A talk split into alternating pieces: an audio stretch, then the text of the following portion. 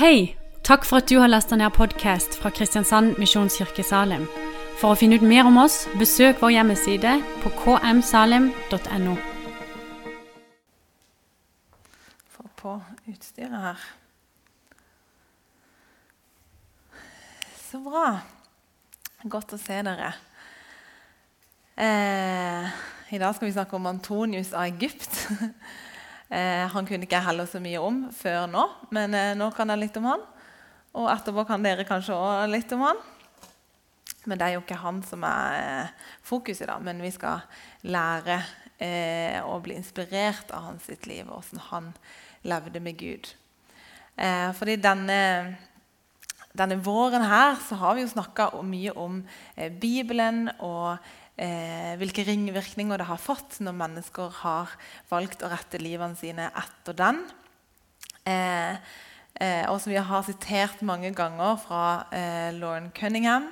Når en stor nok andel av befolkninga begynner å ta Bibelens budskap på alvor og anvender den på livsområde etter livsområde, da vil man før eller siden nå et vendepunkt der nasjon og folk igjen kan leges.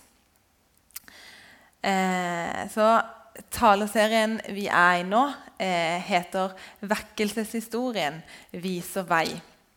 Eh, for det at Vekkelseshistorien viser også at når mennesker har eh, vendt om og bedt og forkynt evangeliet, så har vi sett at hele byer og nasjoner har eh, kunnet forandre seg. Og Det tror vi kan skje igjen. Så vi tror det har noe for seg å eh, dykke litt tilbake i historien og eh, lære om å bli inspirert av de som har gått foran oss, og som har fått oppleve noe av det som vi drømmer om å oppleve. Og I dag så skal vi altså eh, lære å bli inspirert av Antonius av Egypt. Når eh, lillebroren min på, eh, som er 21 år nå, eh, var liten, så husker jeg at han kom hjem til mamma og så sa han, mamma, det er en i klassen som ikke er kristen. Og eh, det var jo veldig sånn eh, på bilbeltet vel å merke, og fra et barns perspektiv. Men det er veldig langt unna den virkeligheten som vi lever i i dag.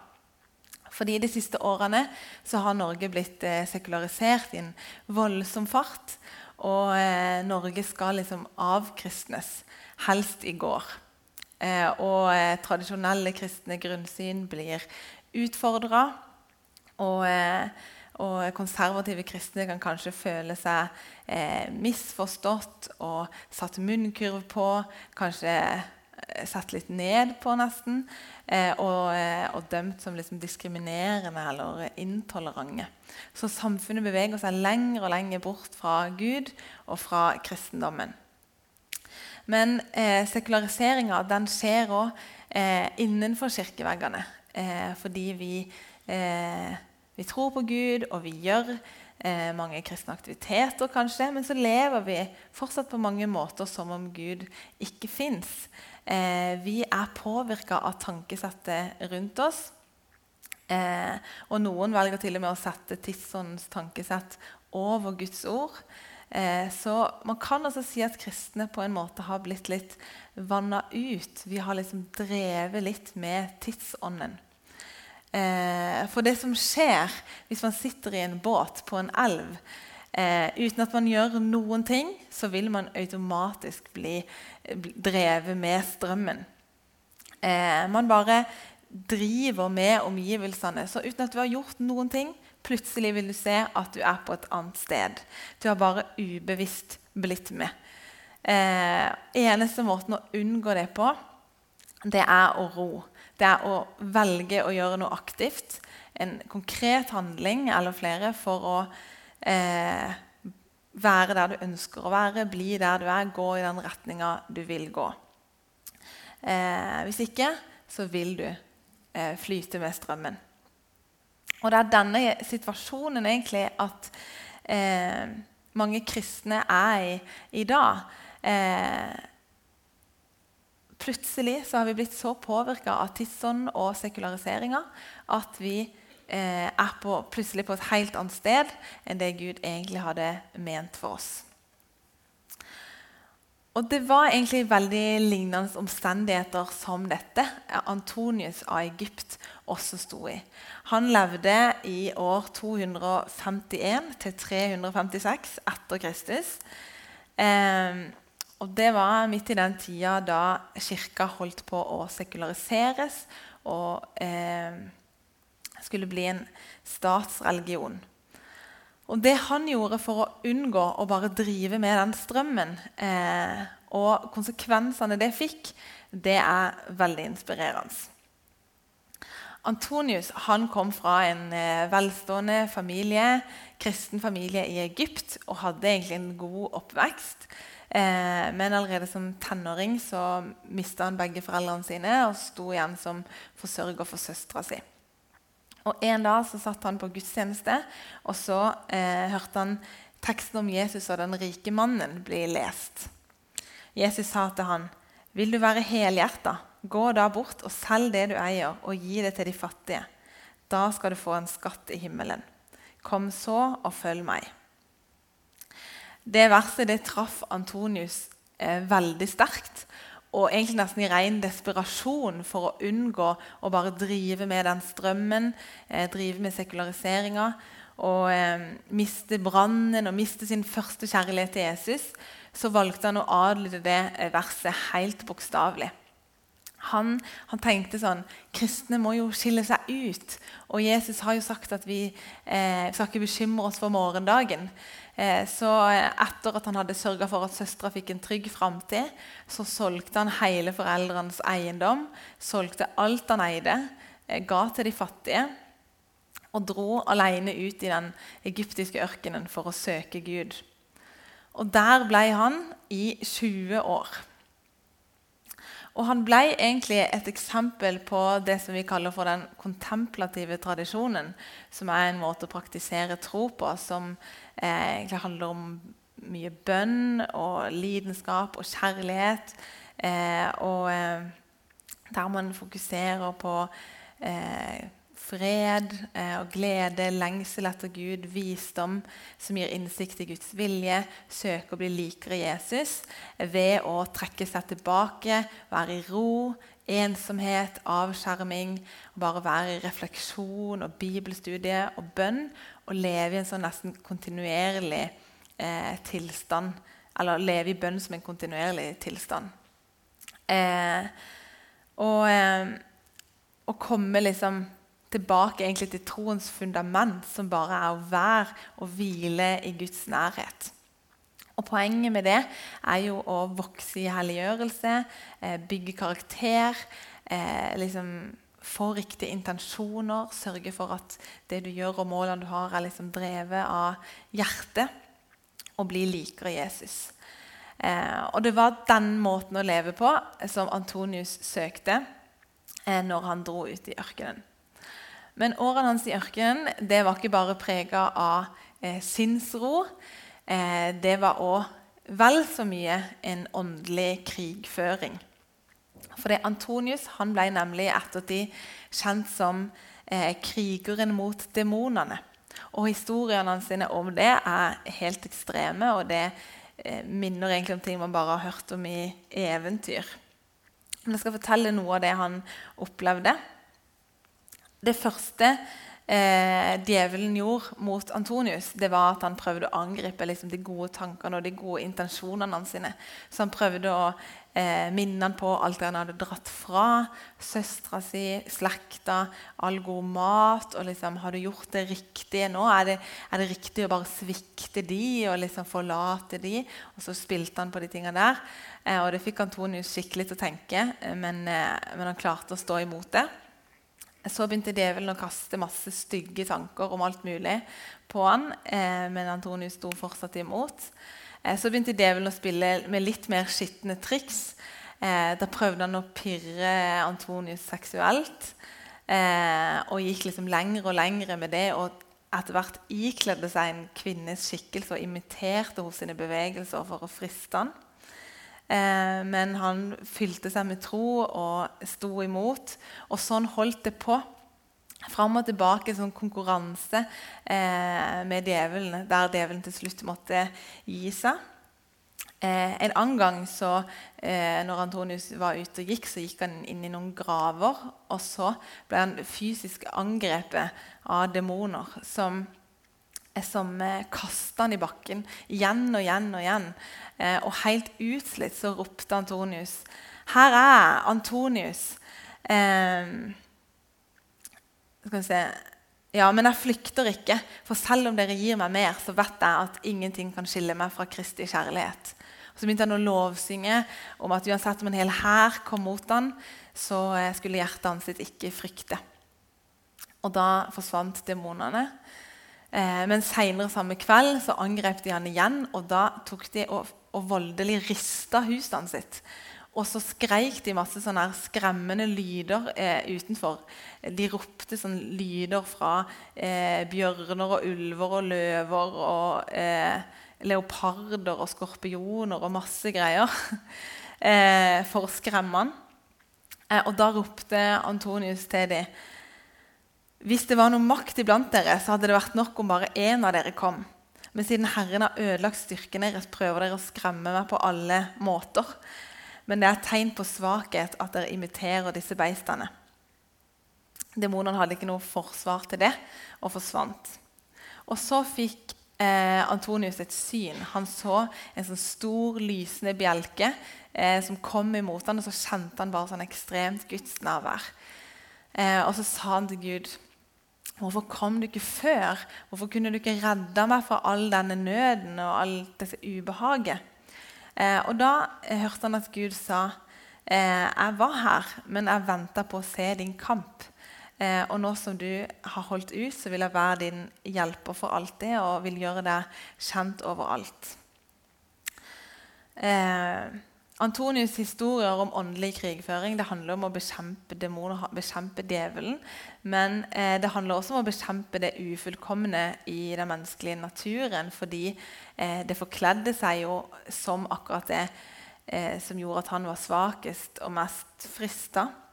Så alle disse historiene bærer med seg mye helliggjørelse, bygging av karakter eh, og liksom en klargjøring av hjertets intensjoner og motiver.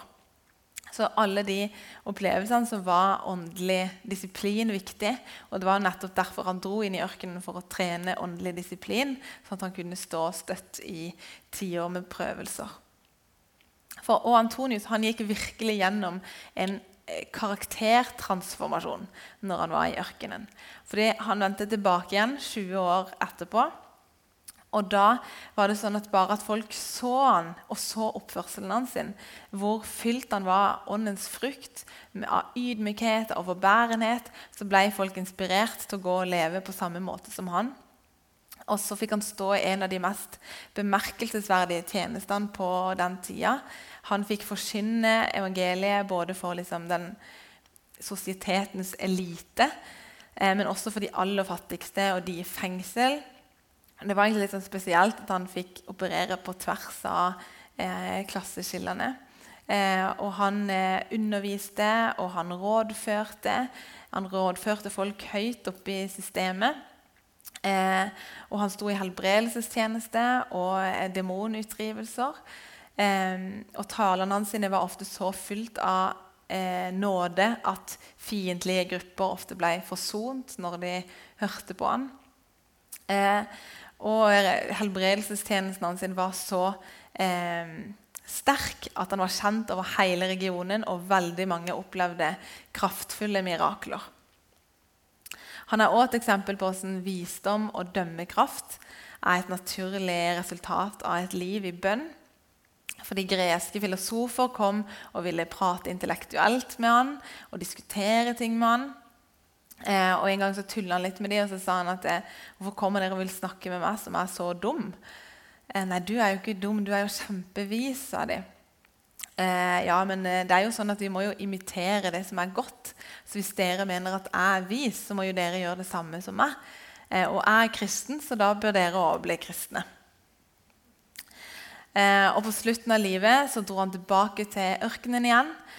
Og Da ble det eh, sagt om han at han var som en lege som var gitt til Egypt fra Gud. Og det ble skrevet om han eh, annet, for hvem gikk det han i sorg og kom ikke tilbake i glede? Hvem besøkte han i sinne og gikk ikke derfra i hengivenhet? Hvilken munk som møtte han, ble ikke sterkere? Hvem kom til han frista en demon og fikk ikke lindring? Og hvem kom til han fortvila i sine tanker og fant ikke ro? Antonius han ga hele livet sitt til Gud. Eh, han valgte å bruke all tida si på han og la Gud få fylle han og livet hans sitt. Og Det fikk enorme konsekvenser og store frukter. Eh, så Antonius sitt liv viser egentlig hva som kan skje når man velger å koble seg på Gud. I Johannes 15 så står det Bli i meg, så blir jeg i dere. Slik som greinen ikke kan bære frukt av seg selv, men bare hvis den blir på vintreet, slik kan heller ikke dere bære frukt hvis dere ikke blir i meg. Jeg er vintreet, dere er greinene. Den som blir i meg og jeg i ham, bærer mye frukt. For uten meg kan dere ingenting gjøre. Antonius han gjorde ikke noe spesielt. Han jobba seg ikke noe oppover. Han eh, satte ikke sin lit til egen prestasjon. Det eneste han gjorde, var å ta et valg om å gi livet sitt til Gud. Gi tida si til Gud. Eh, søke relasjon med Gud. Trene åndelig disiplin. Det eneste han gjorde, det var å koble seg på vintreet. Han var ikke i nærheten av noen andre mennesker engang. Han var kun sammen med Gud. Og det endra han. Det modna han. Det bygger karakter i han. Og det gjorde at han bar masse, masse frykt. Når han stilte seg for Guds disposisjon, så kunne Gud bruke han på sterke måter. Eh, for det er jo sånn at jo mindre plass vi gir oss sjøl, jo mer rom eh, får Gud. Vi kan ha mange tanker om hva vi bør gjøre og ikke bør gjøre for å på en måte modnes og bære frukt. Eh, vi kan tenke at vi bør ha lest de og de bøkene. Vi må ha så og så mye erfaring, vi må ha møtt ulike mennesker i ulike livssituasjoner. Vi må eh, ha trent vår sosiale intelligens. Vi må ha opplevd så og så mye eh, for å liksom bli moden og bære frukt. Eh, og så er det jo sånn at Vi alle modnes jo hele veien i løpet av livet. Men det er ikke det som er oppskriften på å bære frukt. Eh, for eh, det som er oppskriften, og faktisk det eneste eh, oppskriften på å bære frukt, det er å koble seg på vintreet. Ingen greiner kan bære frukt uten å være på treet. Uten treet så er greina ingenting. Uten treet så har greina ingen hensikt. Uten treet så vil greina dø. Eh, så det hjelper ingenting med liksom en lang liste for oss sjøl og med krav om hva vi bør og må gjøre for å modnes og bære frukt. Den eneste oppskriften på å bære frukt er å være kobla eh, på treet. Og Frukten som da kommer, er ikke vår, e vår egen prestasjon, men det er bare en naturlig konsekvens av å være på treet. Og Det syns jeg at Antonius sitt liv er en veldig sånn fin demonstrasjon på. Men så står det òg Og hver grein som bærer frukt, renser han, så den skal bære mer. Dere er alt rene pga. det ordet jeg har talt til dere. Pga. evangeliet og Guds store nåde så er de som har tatt imot Jesus eh, og tror på han, allerede rensa og reine. Det er liksom fundamentet vi står på. Men så står det òg at han vil fortsette å rense oss, sånn at de som bærer frukt, skal bære enda mer frukt. Eh, og på engelsk så brukes ordet 'pruned' eh, for rense, som kan bety beskjære. Og Det syns jeg egentlig beskriver veldig godt hva det er Gud gjør med greinene. Eh, jeg har aldri vært spesielt god eller interessert i det med planter og blomster. og sånn. Eh, hjemme hos meg så får blomstene mine lite omsorg. De blir vanna maks én gang i uka. Eh, og hvis ikke de overlever det, så er det det var dumt. Det var den omsorgen de fikk. liksom. Og eh, Tidligere så opplevde jeg aldri at, eh, at blomster liksom gikk over flere sesonger eller blomstra flere ganger. Jeg tror ikke jeg visste om det konseptet engang. Jeg så bare tenkte sånn, å ja, nå, det nå var den blomsten død. Nå de falt av, eller hva enn, og så kasta jeg den. Eh, og så eh, på et tidspunkt så knakk jeg liksom koden litt. Eh, og jeg skjønner at det er jo allmennkunnskap til de grader, men jeg skjønte at man kan jo eh, eh, beskjære blomstene. Eh, og da så jeg at det begynte å liksom vokse fram nye stilker og spirer og nye blomster. Eh, og så er det vel også sånn at det, når man beskjærer, så ofte så deler stilken seg to et, eh, over der man har beskjært. Sånn at i teorien så kan egentlig blomsten på en måte bære dobbelt så mye frukt nesten for hver gang eh, man beskjærer. Og det er det eh, Gud gjør med oss. Vi kan liksom lure på hvorfor skal du beskjære de som allerede bærer frukt. Er ikke det bra, da? Men Gud vil beskjære oss sånn at vi skal bære enda mer frukt. Alle som dyrker noe, vet jo at det er sånn det funker. Det er sånn man tar vare på planter. Man går og klipper bort ting, og sånn, sånn at det som blir igjen, skal bli større og frodigere. Eh, som greiner på vintreet så må vi faktisk regne med å bli beskjært. Det er en del av det å være grein. Eh, bare hør hva Jesus sier til Peter når han vil vaske føttene sine. Aldri i evighet skal du vaske føttene mine, sier Peter. Hvis jeg ikke vasker deg, har du ingen del i meg, svarte Jesus. Det kan ikke være enhet mellom oss og Jesus hvis vi ikke lar han vaske oss. Vi er allerede rene når vi har tatt imot eh, frelsen, men så fortsetter vi en kontinuerlig renselsesprosess etter det, eh, som vi kaller for helliggjørelsen. Vi blir aldri ferdig rensa. Gud fortsetter å rense og beskjære oss igjen og igjen, og igjen, sånn at vi skal bære mer og mer og mer frukt. Eh, det er ikke sikkert at det alltid er så behagelig, men det må til. Eh, og det er faktisk et tegn på at du er på vintreet. For det å godta å bli rensa og beskjært er egentlig et tegn på at du allerede er rensa og beskjært. For sanne disipler lar seg rense og beskjære mer. Så er det egentlig litt oppmuntrende så at han vil beskjære oss, for det betyr at vi allerede har noe av frukten. Men han vil beskjære oss for at vi skal få enda mer. Og Denne beskjæringa kan ha ulike former. Eh, det kan være prøvelser, vanskelige ting som rammer oss. Det er mye som rammer oss som ikke er Guds vilje, men som Gud allikevel kan bruke til noe godt. Eh, og så er det noen ganger at Gud eh, lar eh, vanskelige ting rammer oss for å beskjære oss, eh, sånn at vi kan bære enda mer frukt. For det vonde som vi opplever, det former oss. Det hjelper oss å vokse eh, og modnes, sånn at vi kan bety kanskje enda mer inn i andres liv eller bære enda mer frukt. Gud kan også rense oss ved å eh, plukke bort noe i oss. Det kan være synd eller dårlige ting i livet. Det kan være, det kan være noe som tar altfor mye plass. Eh, det snakker Jesus om litt i lignelsen om såmannen. Eh, andre igjen er de som blir sådd blant tornebusker.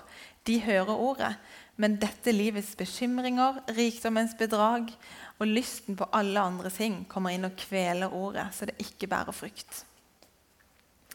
Det er mange ting i livet som kan ta eh, for mye plass og kvele ordet, så det ikke bærer frukt. Og Det kan være ting som Gud ønsker å plukke bort. Eh, kanskje minner han deg på at det er noe du skal vende deg bort fra. Kanskje sender han mennesker til deg som skal rettlede deg eller gå sammen med deg.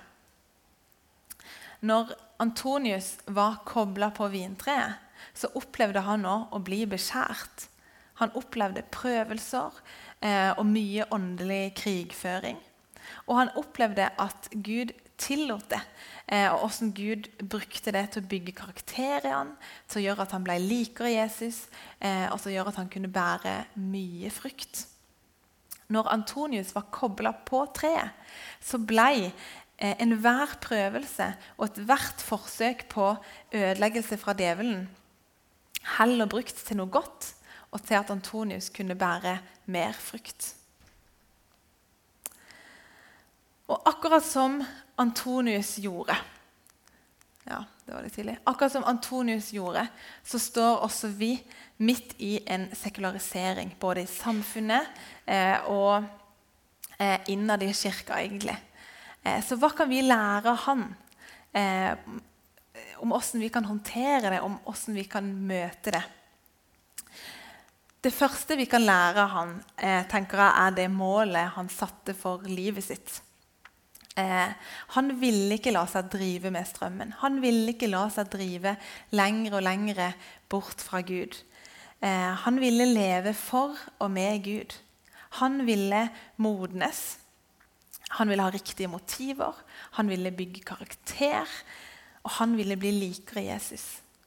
Han tok et valg eh, om hva han ville med sitt liv, om hva som var viktig for han. Og det var å gi livet sitt til Gud og la Gud få forme han og forme livet hans. Og det tenker jeg er noe av det første som vi òg må gjøre. Hvis vi vil unngå å automatisk drive med strømmen og sekulariseringa, så må vi ta et valg. Vi må velge mellom Gud og verden. Hvem ønsker du å tjene? Hva ønsker du å leve for? Hva er målet med ditt liv?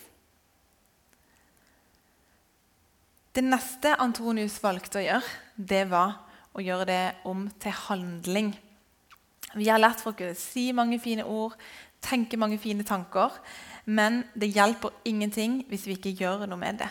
Hvis ikke vi handler sånn at vi faktisk lever etter det. Antonius er et veldig godt eksempel på en som eh, helt konkret retta seg etter Bibelen og valgte å leve etter den. Og Vi ser hvor store konsekvenser det fikk, og at det kunne endre et helt samfunn. Og det var bare én person. Det han gjorde, var eh, veldig drastisk. Og eh, Det er ikke sikkert det er så mange her inne som tenker det er aktuelt å selge alt de eier, gi til de fattige og dra ut i ørkenen i 20 år. Men det fins mange konkrete ting som vi òg kan handle på. Hvis vi ønsker å leve livet vårt for og med Gud og bære frukt, så er det vi må gjøre, å koble oss på vintreet. Vi må la Gud være treet som våre grein henger på, og ikke eh, tenke at vi sjøl skal være treet med Gud som en liten grein. Vi trenger å la Gud få sin rettmessige plass. La Han få eh, tid og rom i livet. Og Det kan vi gjøre ved å sette av mer tid til Bibel og bønn og stillhet. Antonius han ga all sin tid til Gud. Og så ser vi eh, hva, som førte, hva som skjedde. Hva tror du kunne skjedd hvis du hadde gitt mye mer av din tid? Den kontemplative tradisjonen, som var liksom den måten han levde på, det handler om å være i en sånn kontinuerlig tilstand av bønn.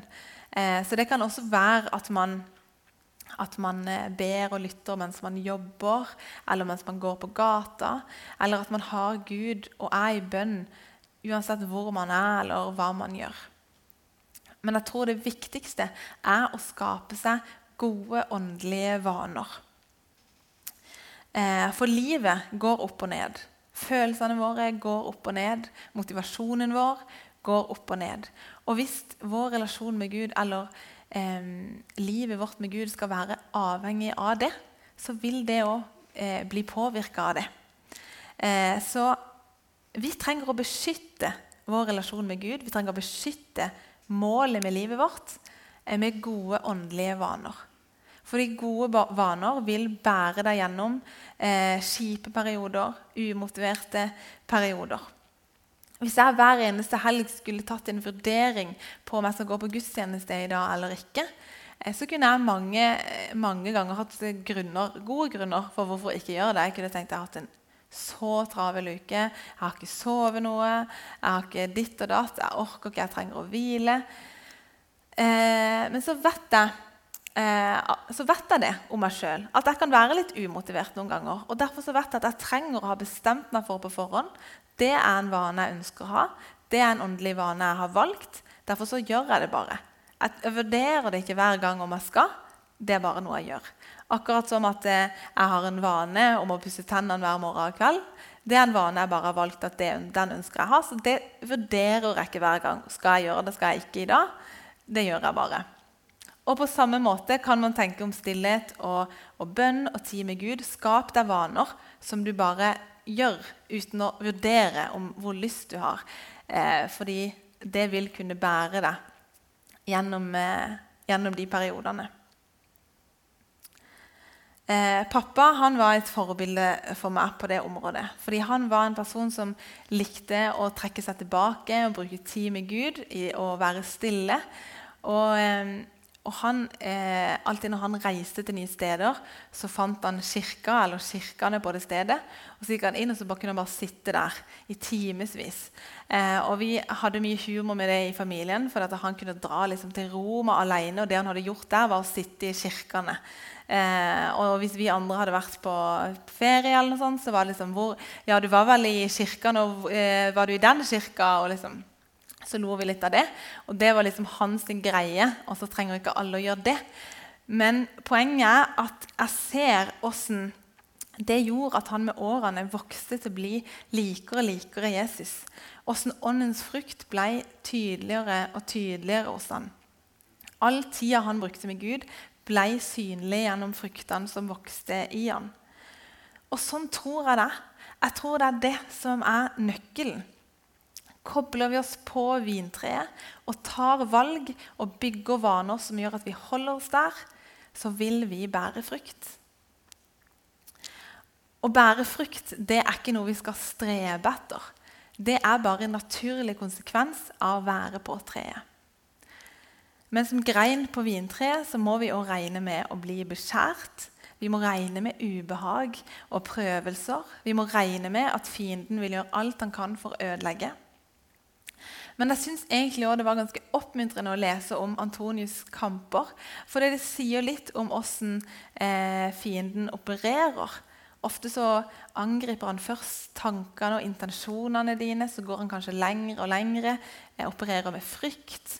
Eh, det er i hvert fall veldig gjenkjennbart for meg. Og jeg synes det var litt oppmuntrende, fordi jo mer man klarer å identifisere at ja, det er jo det som skjer, jo lettere er det å bekjempe det.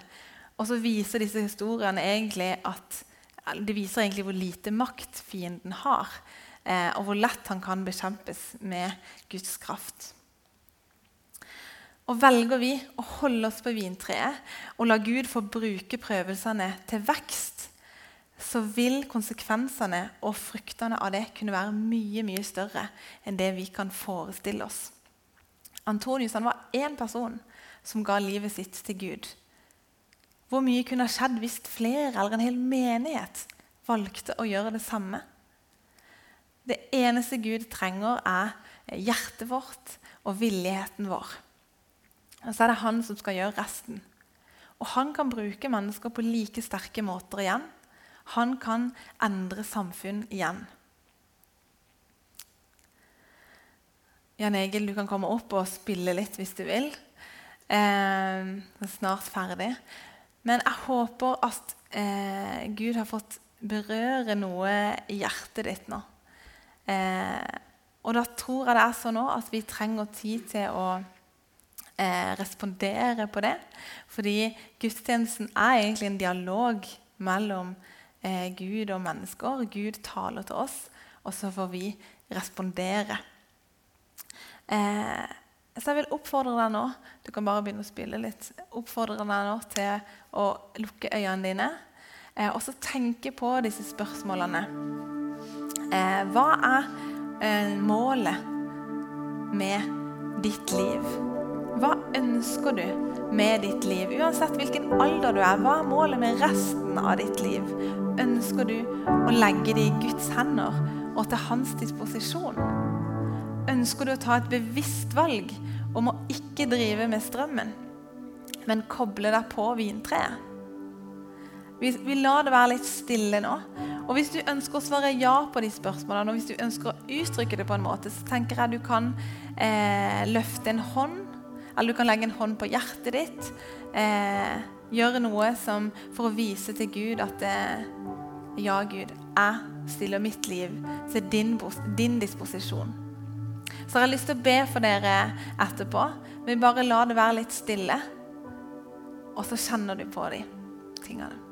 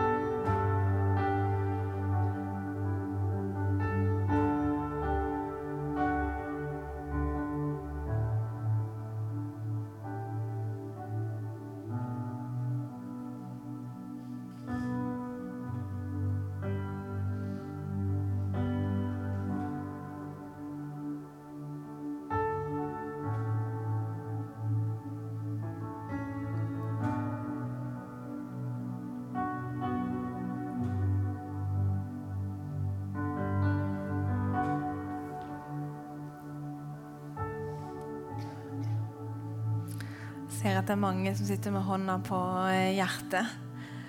Jeg har bare lyst til å be for dere. Å, kjære Jesus, jeg takker deg for denne villigheten som vi ser her i dag. Takk for eh, disse menneskene som du ser. Eh, at de ønsker å gi livet sitt til deg, Jesus. De ønsker å være til din disposisjon. Å, Jesus, du gleder deg og fryder deg når du ser det. Jeg ber om at du skal være med dem eh, på de sin vei. Og så bare ber jeg om at du skal hjelpe dem og styrke dem til å gjøre dette valget òg om til handling. Hjelp dem til å ta gode valg og lage seg gode åndelige vaner som hjelper dem med å holde seg kobla på ditt vintre, Jesus. Og Jesus, jeg bare ber om at eh, når de går ut herfra i dag, så skal de kjenne at eh, noe er forandra, og at du skal skape en eh, motivasjon og lyst i dem til å endre noe i sitt eget liv. Til å gi enda mer av seg sjøl til deg, Jesus. Til å gi deg enda større rom og plass, Jesus. Og så takker jeg deg for at de sin oppgave da bare blir å gi ansvaret til deg. Og bare få lov til å være med på det du vil gjøre i det sitt liv, Jesus. Og bare ber om at du skal produsere masse, masse, masse frukt på disse greinene, Jesus. Og Jesus, jeg bare ber om at eh, de fruktene skal få påvirke omgivelsene rundt. Og at de skal få påvirke i mye større skala enn det vi kan forestille oss og drømme om, Jesus. Takk for at eh, store ting kan begynne her. Det kan begynne med meg. Det kan begynne med én person som velger å gi deg plass, Jesus.